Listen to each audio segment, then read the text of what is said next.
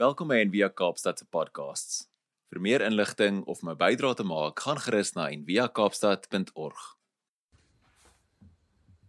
Goeiemôre.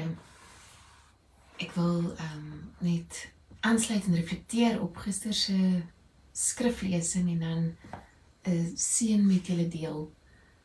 Ehm um, die skriflesing kom uit Handelinge 9 waaroor Marina gesels het. En dit gaan oor Tabitha. en in Joppe was daar 'n sekere dissipelin met die naam van Tabitha wat as dit vertaal word beteken Dorcas. Sy was oorvloedig in goeie werke en almoses wat sy gedoen het. En in die dae het sy siek geword en gesterf. En hulle het haar gewas en in 'n bovertrek neergelê. En omdat Lydda naby Joppe was en die disippels gehoor het dat Petrus daar was, het hulle twee manne na hom toe gestuur wat hom moes smeek dat hy sonder uitstel na hulle moet oorkom. En Petrus het opgestaan en saam met hulle gegaan. En toe hy daar kom, bring hulle hom in die bovertrek en al die weduwees kom by hom staan en ween en wys hom die onder en bo klere wat Dorcas alles gemaak het toe sy nog by hulle was. En Petrus het almal buite toe gestuur en neergekniel en gebid. Hy het hom na die liggaam gedraai en gesê: "Tabitha, staan op." En sy het haar oë oopgemaak. En toe sy Petrus sien, het sy regop gesit. En hy gee haar sy hand en laat haar opstaan. En daarop roep hy die heiliges en die weduwees en stel haar lewendig voor hulle. Marina het gister gesels oor so algemene doodsheid wat wat om ons is. Daai ergste dood wat 'n mens kan sterf om om dood te gaan voor jy dood gaan. Om sonder lewe te lewe. En ek wil vir ons vir 'n paar minute stil word. Hierdie um blessing deur Jan Richardson wat julle nou al weet, um my bietjie regop gehou het die afgelope paar maande. Um hierdie boekie, The Cure for Sorrow, a book of blessings for times of grief and sy noem hierdie blessing blessing for the raising of the dead. En dan gaan dit nie vir oggend net oor die gestorwe liggaam nie, maar dit wat in ons dood is, dit wat in ons moet hoor vir oggend staan op word wakker um, vir die lewe sodat jy nie net 'n slaapwandelaar is in die lewe nie maar lewe This blessing does not claim to raise the dead. It is not so audacious as that. But be sure, it can come and find you if you think yourself beyond all hope, beyond all remedy, if you have laid your bones down in your exhaustion and grief, willing yourself numb, this blessing knows its way through death, knows the paths that weave through decay and dust. And while this blessing does not have the power to raise you, it knows how to reach you. It will come to you, sit down beside you, look you in the eye, and ask if you want to live. It has no illusions. This blessing knows it is an awful grace to be returned to this world. Ek dink um baie keer toe toe Lazarus opgewek is en Tabitha um dat dit dalk nie ter wille van hulle was nie want hulle is dalk op die plek van vrede en sonder pyn en sonder angs dis ter wille van lewe en en die wêreld en mense rondom hulle This blessing knows it is an awful grace to be returned to this world. Just ask Lazarus. or the Shulamite son. Go to nine and ask the widow's boy whether he had to think twice about leaving the quiet, the stillness, whether he hesitated just for a moment before abandoning the place where nothing could harm or disturb. Ask the risen if it gave them pause to choose this life, not as one thrust into it like a babe, unknowing, unasking, but this time with intent, with desire.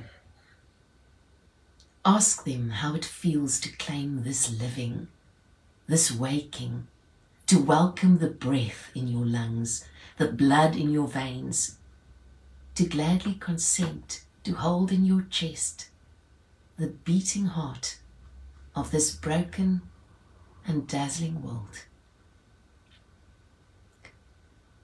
Nie soos 'n babietjie wat in die wêreld inkom sonder om daarvoor te gevra het nie. Um sonder om te weet wat vir hulle wag nie. Maar hierdie keer met met bedoeling, met hinkering. Soos 'n mens wat weet hoe dit was om siek te wees en dan die lewe terug te kry. Om die asem in jou longe te verwelkom. Die bloed in jou are om toestemming te gee met blymoedigheid dat hierdie hart binne in jou bors kan klop, hierdie kloppende hart vir hierdie gebroke maar lewendige wêreld. Kom ons word vir 'n paar minute saam stil en dan gee ons vir ons toestemming vir hierdie hart om te klop vir hierdie vir hierdie gebroke lieflike wêreld om die bloed in ons are te voel en om die die asem deur ons longe te voel en om opnuut ver oggend op te staan. Al hy al klaar, al het ons klaar opgestaan om werklik op te staan.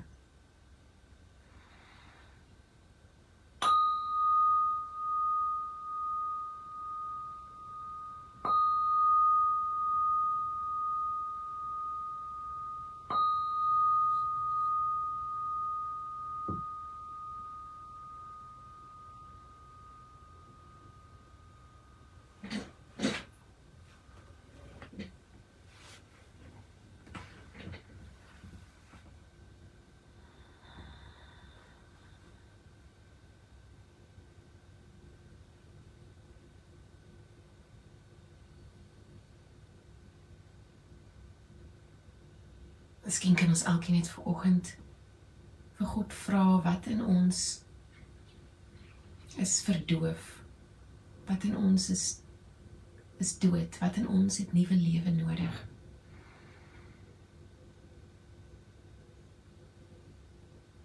Wat 'n deel van ons hunker na lewe, na asem, na bloed. Miskien iets waarvan ons nie eers weet nie, miskien iets wat ons al so lank platdruk en versmoor. Omdat ons bang is dit maak seer as dit lewendig raak.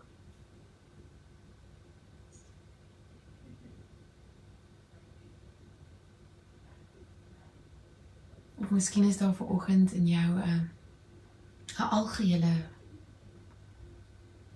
doodsheid 'n 'n numbness 'n 'n onwilligheid om om die lewe in die gesig te staar en dis nie iets wat jy op jou eie net kan afskud nie. Gee dit vir oggend net oor aan God.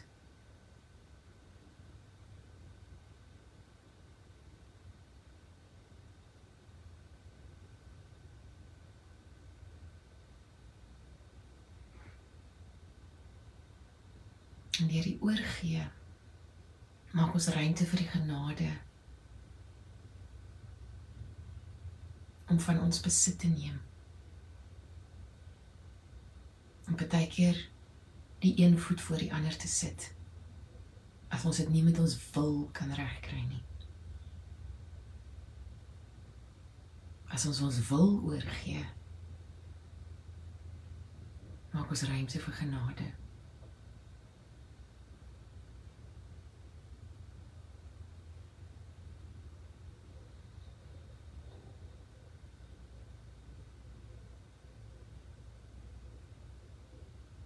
En partykeer is dit genoeg om om net die versigtiging uit te spreek dat ek wil om te wil. Ek het dalk nie die wil nie, maar ek wil wil.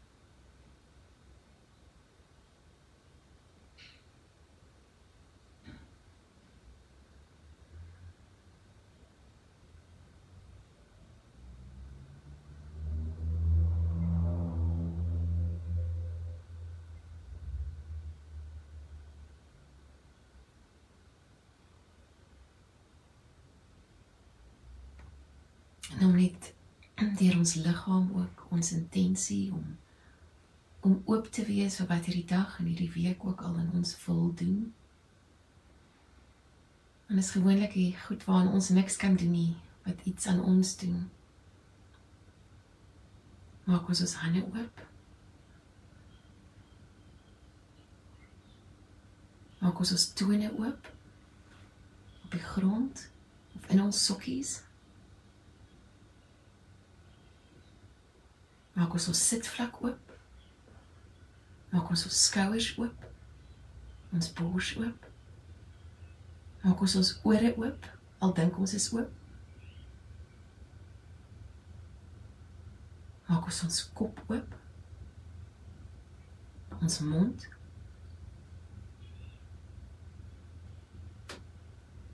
En dan heel laaste ons oë.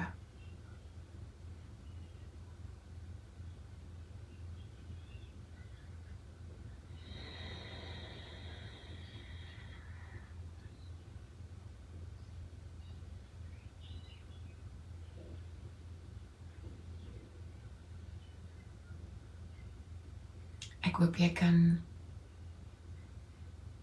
hierdie week lewe met lewendigheid. Lewendig lewe. En as jy sukkel met 'n doodsheid om dit net oor te gee sodat sodat die God van lewe dalk een voet voor die ander vir jou kan sit. Mag jy 'n mooi week hê. Dankie dat jy saam geluister het vandag. Besoek gerus en via kaapstad.org vir meer inligting.